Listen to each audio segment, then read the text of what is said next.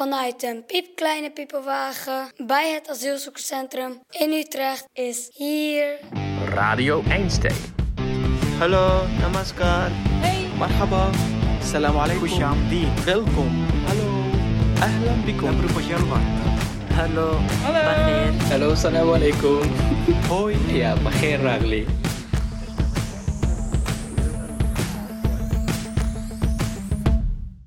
So what we are going to do is to walk together to the city and I will explain some things with the things we see in the city.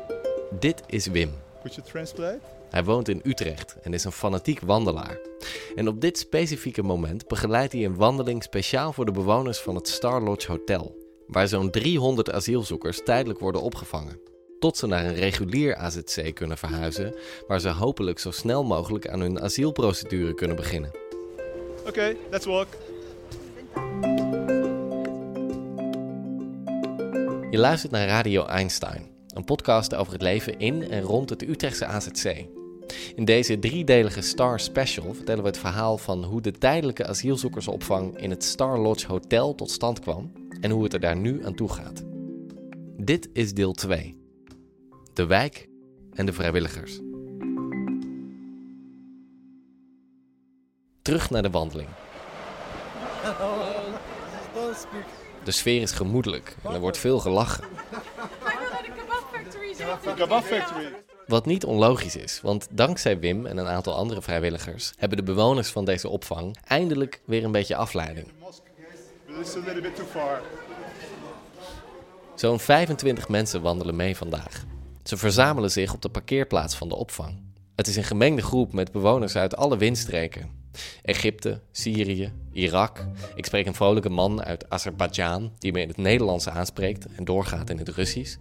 Hallo, goedenavond. Меня зовут Elnur. De man stelt zich voor als Elnor Elnor. Да. en hij stelt me trots zijn dochter voor. Это моя младшая дочка. She is my little baby. She names Rahima Khanım. Rahima Rahima Khanım. Zijn dochter is acht en gaat sinds kort naar school. Eight year. En als ik haar vraag of ze al een beetje Nederlands spreekt, begint ze direct cijfers op te dreunen. Maar niet in het Nederlands. Say bakayım say. 1, 2, 3, 4, 5, 6, 7, 8, 9. Good. Hola. Todo bien.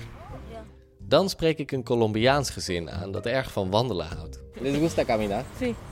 Para bajar de peso. Wandelen is goed, zeggen ze. Vooral om af te vallen. Peso. Want eten doen ze soms iets te graag. Sí. No. Dit is een hotel. En een hotel heeft geen keuken in elke kamer. En dus is er een eetzaal waar iedereen 's ochtends, middags en 's avonds hetzelfde eet. Eten wat de pot schaft dus. En niet iedereen is daar even blij mee. Maar deze Colombianen hebben niks te klagen. Estaba muy rica la comida. Ensalada, papitas, Papitas. papitas y pollo. Vanavond was het weer fantastisch. Friet, kip en salade. Dan komt de dochter van een van de dames erbij staan. Ze is een jaar of zes en draagt schoenen met lampjes, die bij elke stap fel oplichten. En als de groep eenmaal in beweging komt, zingt ze uit pure blijdschap een liedje over een koe. La vaca Lola, la vaca Lola tiene cabeza y tiene cola y hace mu, mu. La vaca Lola, la vaca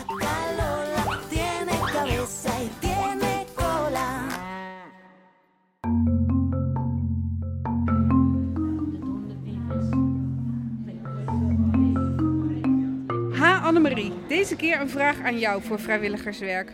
In de Voorveldse polder is vanaf januari een noodopvang voor vluchtelingen geopend. Ik geef intussen taalles, daar is veel vraag naar. Is dat ook wat voor jou? Het is een uur of negen s'avonds en ik ben in de eetzaal, in een grote container op de parkeerplaats van het hotel. De zaal is gevuld met een tiental tafeltjes waar buurtgenoten en bewoners van de opvang opgaan in het wekelijkse taalcafé. En ook hier worden cijfers opgedreund, maar dit keer wel degelijk in het Nederlands. Althans, dat is het idee. Ocho. Ars. Art. Art. Art. 9 Neje, Neje. Y 10 Ting. Y 20 Ting Ting. Annemarie is een van de vrijwilligers. Ze is er vanavond voor de eerste keer en kwam hier terecht via dat appje van haar vriendin José. Zoals de meeste vrijwilligers is ze geen gediplomeerd docent Nederlands, maar dat doet er niet toe. De bewoners zijn al lang blij dat er überhaupt iemand even Nederlands met ze wil praten. En heb, jij ook al les gegeven of heb je vooral een beetje geobserveerd? Ik heb heel veel thee en koffie rondgedeeld. en ja, ik heb wel meegedaan met de les en de uitspraak. En ehm, ik heb samen met een van de cursisten ook zinnetjes uitgewisseld. De oefenzinnen, vraag en antwoord. Dat was leuk. Wat, wat valt je op aan, aan de mensen die hier aan tafel eh, zaten? Je kunt twee groepen onderscheiden. De mensen die de les komen geven, die daar met veel inspanning en aandacht en geduld eh, mee bezig zijn. Maar wat mij vooral heel erg opviel was de intensiteit waarmee de cursisten anderhalf uur aan de bak gingen om Nederlands te leren. Ze willen echt. Ze willen echt, absoluut. Ja. Jij? Ja? 40. Ik ben 40. Waar woon jij? Tijdens de les valt me al wandelend langs de tafeltjes hetzelfde op als Annemarie. Met grote gretigheid worden de regeltjes geleerd, werkwoorden geoefend en woordenlijstjes herhaald. Aan tafel bij vrijwilliger José, de vriendin van Annemarie, zitten twee mannen uit Colombia: Carlos en Laureano. Voor Laureano is het zijn eerste taalles. Carlos is hier vaker geweest. Enthousiast vertellen ze samen wat ze tot nu toe hebben geleerd. ¿Cómo estás? Good hat head. Hello. Eh, buenos días es el Goedemorgen. Goedemorgen. Ah, Goedemorgen. En la Tarde. En la tarde es Goedemiddag. Goedemiddag. Goedemiddag. Buenas noches, goedenavond. Goedemiddag. Algo así, ¿no? Middag. Middag. Middag. Middag.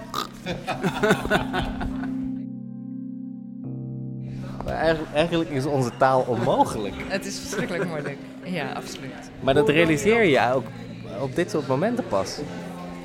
Ja, ik heb toevallig een schoonzus in Spanje die ook Nederlands aan het leren is. Dus die heeft me al verteld van... Oh, die kleine kinderen, ze doen het gewoon in het Nederlands. Hoe kan dat? Laureano zegt dat hij maar wat graag weer even kind zou willen zijn. Want een kindergeest is als een spons. Porque su mente está como una esponjita. Está completica, abierta. Ik vraag de mannen of ze wel discipline hebben. Sí, hay que ser disciplinado, ¿no? Wat de taal betreft moeten ze wel, zegt Laureano. Aprender el neerlandés es un deber acá. Hij ziet het als een verplichting voor alle bewoners van deze tijdelijke opvang om op zijn minst een poging te doen om de taal te leren. Want stel dat ze straks een verblijfsvergunning bemachtigen. Als ze hier dan iets willen ondernemen, als ze een netwerk willen opbouwen, een studie willen doen of een baan willen krijgen, dan zal kennis van de Nederlandse taal, al is het een klein beetje, zeker geen overbodige luxe zijn. En dat betekent huiswerk. Huiswerk. Huis, Huis. werk. Werk. Werk. Huis in la casa. Huis. Werk is het Werk.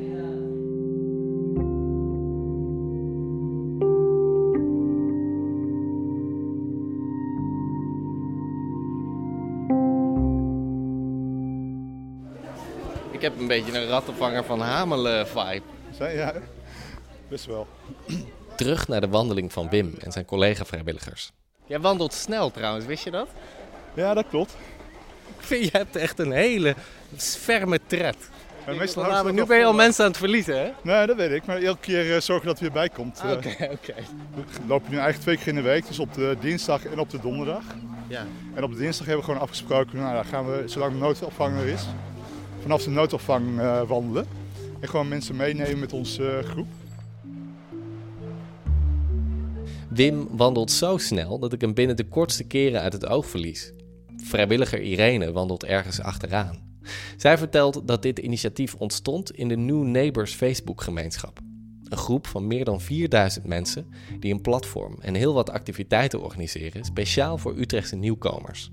En toen hebben we ook bedacht van, hé, hey, we wandelen toch eh, elke week wel een keer. Laten we kijken Want het of is we- corona. Want het is coronatijd, je kunt bijna niks. Dus we gaan maar ook wandelen.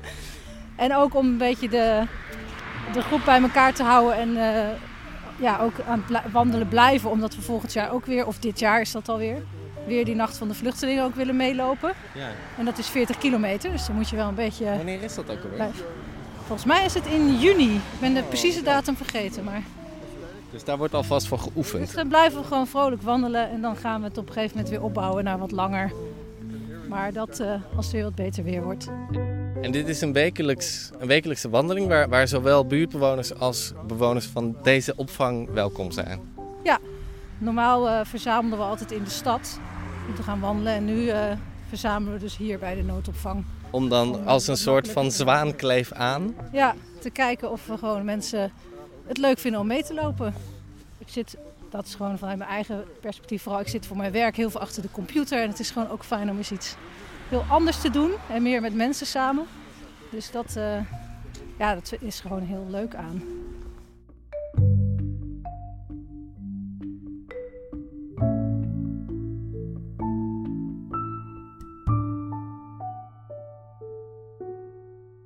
Ondertussen is het taalcafé aan zijn eind gekomen. En behalve Annemarie zijn er nog meer vrijwilligers voor het eerst vanavond. Zoals Heather. Ja, ik ben Heather en ik studeer op de University College eh, hier 10 minuten vandaan. En voor een vak vorig semester moest ik op zoek gaan naar een organisatie die iets met immigratie te maken had. Dus ehm, toen ben ik bij Welkom in Utrecht terechtgekomen. Welkom in Utrecht is de organisatie die zowel op het reguliere AZC, de Jozef Haydnlaan, als hier verantwoordelijk is voor allerlei activiteiten met als doel om nieuwkomers zich net wat meer welkom te laten voelen in de stad. Ik heb een paar keer geholpen met kerstkaarten maken en ik heb gewandeld, eh, tours gegeven in, door Utrecht. En het is gewoon, je merkt gewoon hoe blij eh, vluchtelingen worden van interactie en gewoon wat doen. En ik merk gewoon heel erg dat dingen die voor mij vanzelfsprekend zijn, zoals een dagbesteding en contact met mensen en vrienden, voor deze mensen niet meer zo vanzelfsprekend is. En daardoor ook heel veel waarde hechten aan dat wij daar komen en gewoon met ze praten. En ik word daar ook wel heel blij van om dat ze te geven. Ze herinnert zich één Syrische man in het bijzonder met wie ze een tijdje geleden door Utrecht wandelde. Die haar nadien appte dat hij zo blij was dat hij zijn eerste Nederlandstalige vriendin had. Ja, dat was wel schattig. En dat na, na één ontmoeting. Ja, dat, dus dan, ja, dan merk je ook wel gewoon hoeveel waarde ze hechten aan gewoon wat voor mij een best wel simpele interactie was. Dat, dat hij daar dan veel meer waarde aan hecht dan ik had gedacht, denk ik. Dus ja.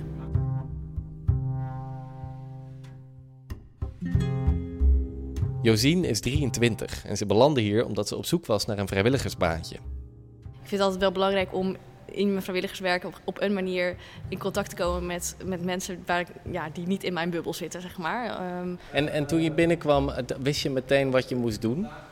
Ehm, nou, niet echt. nee.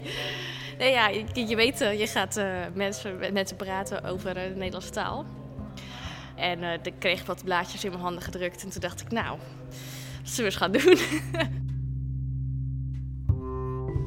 ik had, had een, eh, een stel uit eh, Turkije. Hadje en Ibrahim. En eh Hadje is zelf ook eh lerares, of was ze in Turkije.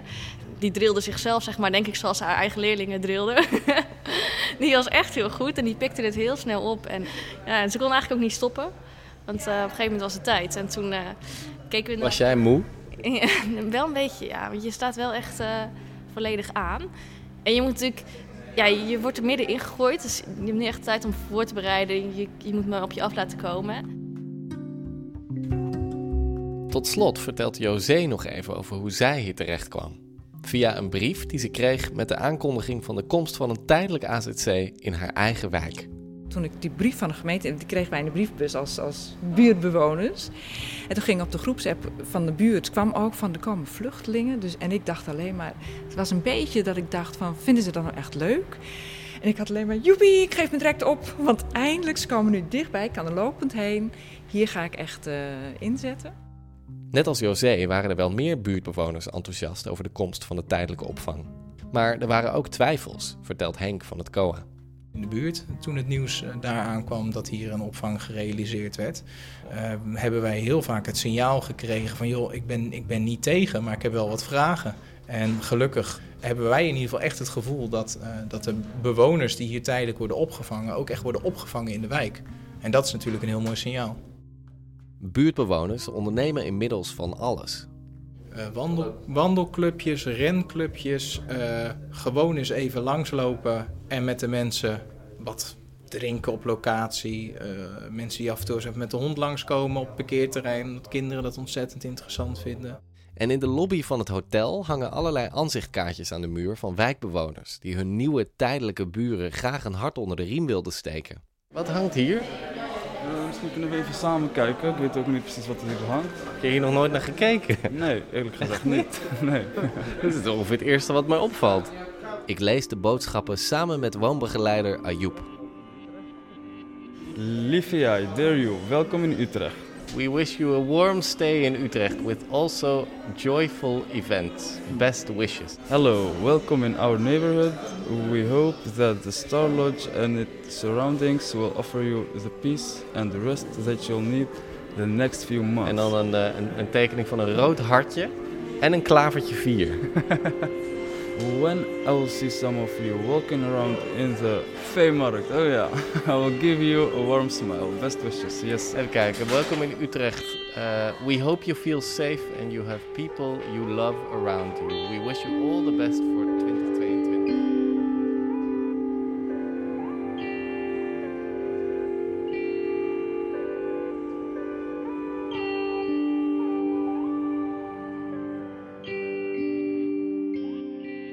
Tot zover deel 2 van deze driedelige Star Special. Over het leven in en rond de tijdelijke noodopvang voor asielzoekers in het Utrechtse Star Lodge Hotel. Mocht jij in of rond Utrecht wonen en wil je graag als vrijwilliger iets doen bij de tijdelijke opvang, of op een andere plek waar nieuwkomers wonen, neem dan zeker even contact op met Welkom in Utrecht. Of word lid van de New Neighbors Utrecht Facebookgroep. En heb je een werkende fiets die je niet meer gebruikt? Neem dan zeker ook contact met ze op. En maak iemand blij met je fiets. Volgende week kun je hier de laatste aflevering van deze korte serie beluisteren. Met veel meer verhalen van bewoners van de opvang.